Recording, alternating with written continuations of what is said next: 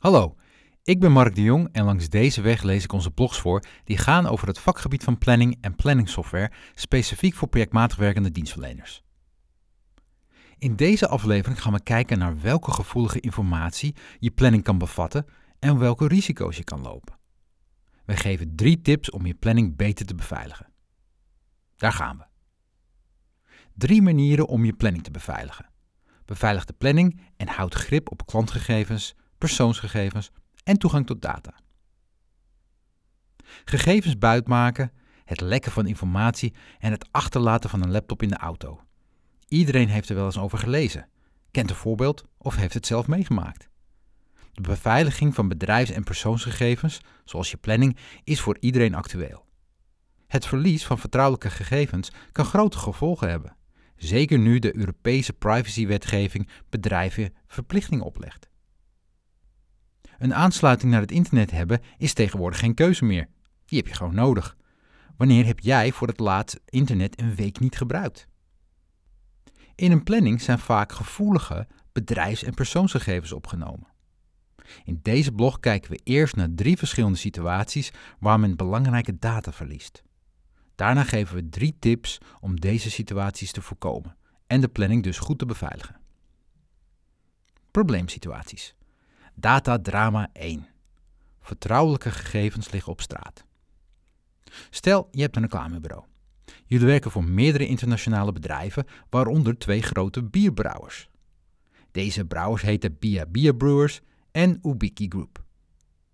Voor Bia Bia zijn jullie bezig met het opzetten van een campagne voor een nieuwe lijn speciale bieren. Het is de bedoeling dat deze lijn ook in het buitenland wordt uitgezet.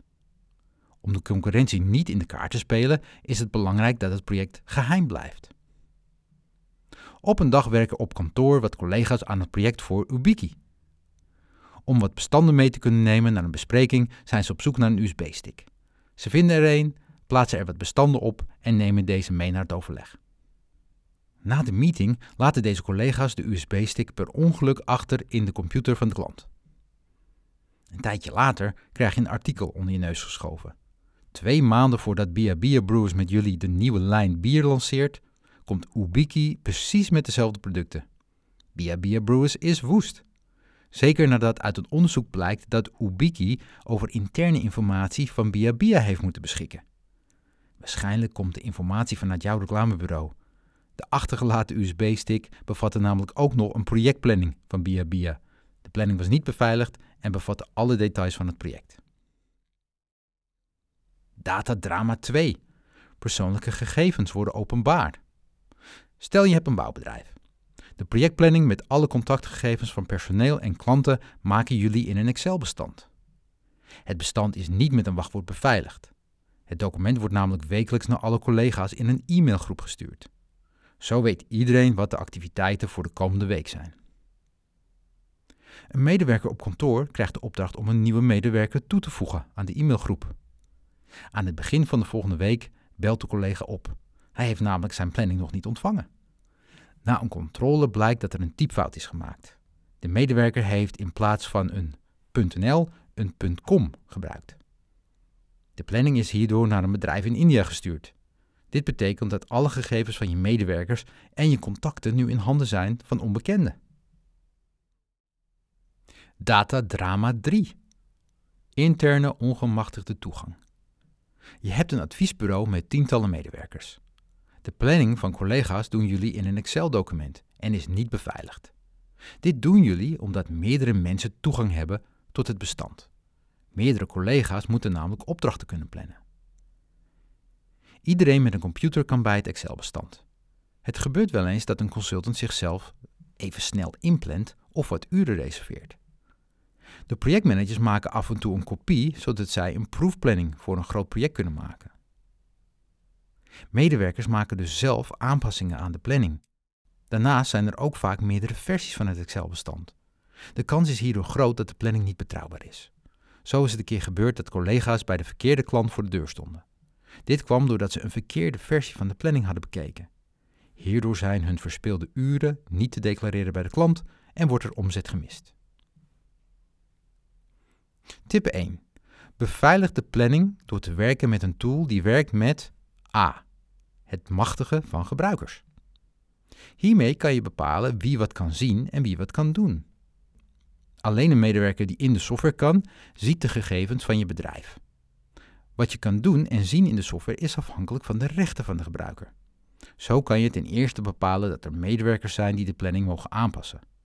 Daarnaast kan je vaak ook instellen dat er medewerkers zijn die de planning alleen mogen bekijken.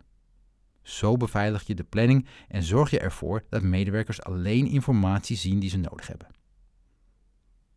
B. Veilige verbindingen. Het mobiele werken is van deze tijd.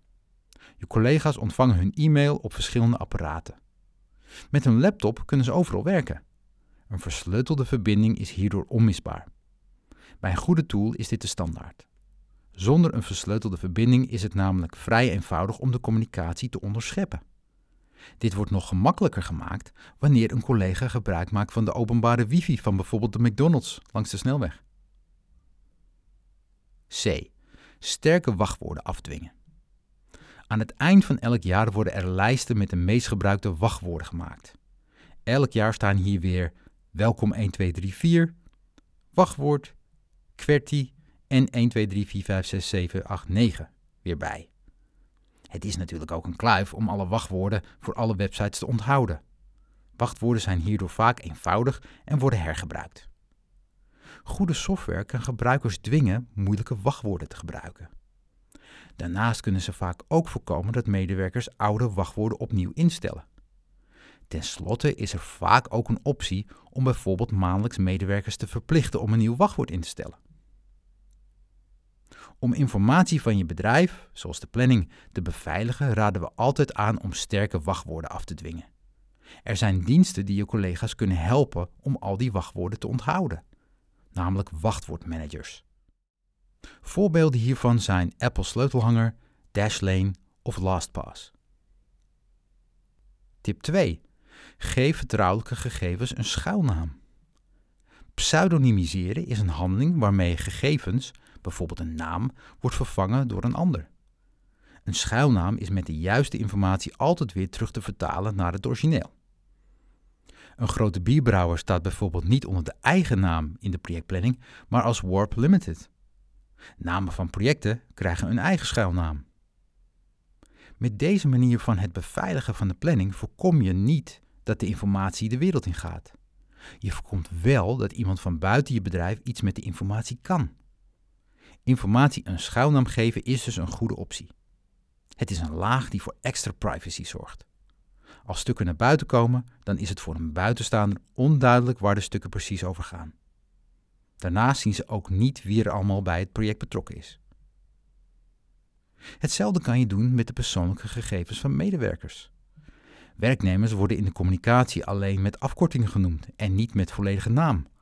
Paul Johnson heeft bijvoorbeeld geen paul.johnson.uwbedrijf.nl als e-mailadres, maar alleen pj.uwbedrijf.nl.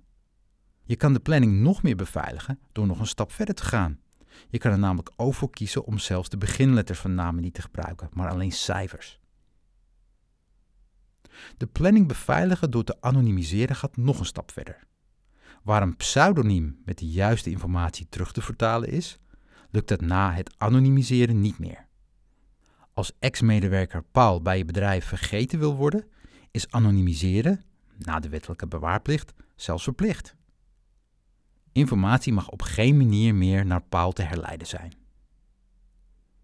Tip 3. Beveilig de toegang tot je planning. Er is een manier om er zeker van te zijn dat informatie alleen door de juiste collega's bekeken of bewerkt kan worden. Dit regel je door een autorisatiematrix te maken. Met deze matrix bepaal je per persoon of functie welke informatie ze mogen zien en mogen bewerken. Software werkt vaak met profielen. Met deze profielen bepaal je welke onderdelen van de software een collega mag gebruiken. Een planner krijgt toegang tot het planbord. Een projectmanager krijgt toegang tot een Gantt-chart van zijn project. Een monteur in de buitendienst kan alleen zijn eigen planning bekijken en de voortgang doorgeven aan zijn projectmanager.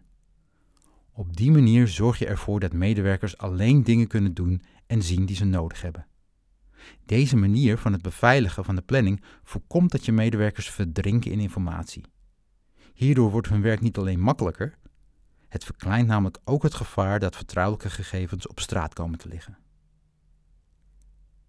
Een ander belangrijk punt is dat je zicht houdt op wie toegang heeft tot je software. Medewerkers komen en gaan.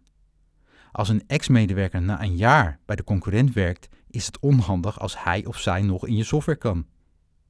Om dit te voorkomen zou je ook Single Sign-On, SSO, kunnen toepassen op de planningsoftware vanuit je Identity Provider systeem. Met SSO kun je de toegang tot alle software op één plek binnen je organisatie beheren. Conclusie. Het veilig houden van je persoons- en bedrijfsgegevens, zoals je planning, is een hele taak. Je bedrijf zal er altijd de aandacht bij moeten hebben. Een planning van projecten bevat vaak gevoelige informatie. Bij bedrijven zijn steeds meer gegevens digitaal opgeslagen. Hierdoor is er voor partijen met kwade bedoelingen steeds meer te halen. Bedrijven worden hierdoor steeds vaker doelwit. Nieuwe wetten verplichten je daarnaast ook dat je de boel qua privacy op orde hebt. Wanneer je op zoek gaat naar nieuwe planningsoftware, zijn niet alleen de praktische functies belangrijk. De maatregelen die de software veilig maken zijn net zo belangrijk. Tot slot moet je de gebruiker van de software niet vergeten. Hoe medewerkers met de software omgaan bepaalt mede hoe veilig de planning echt is. Beleid hierop en instructie aan medewerkers zijn onmisbaar. Bedankt voor het luisteren. Ben je geïnteresseerd in meer? Ga dan naar www.timewax.nl/blog om je gratis te abonneren. Tot de volgende.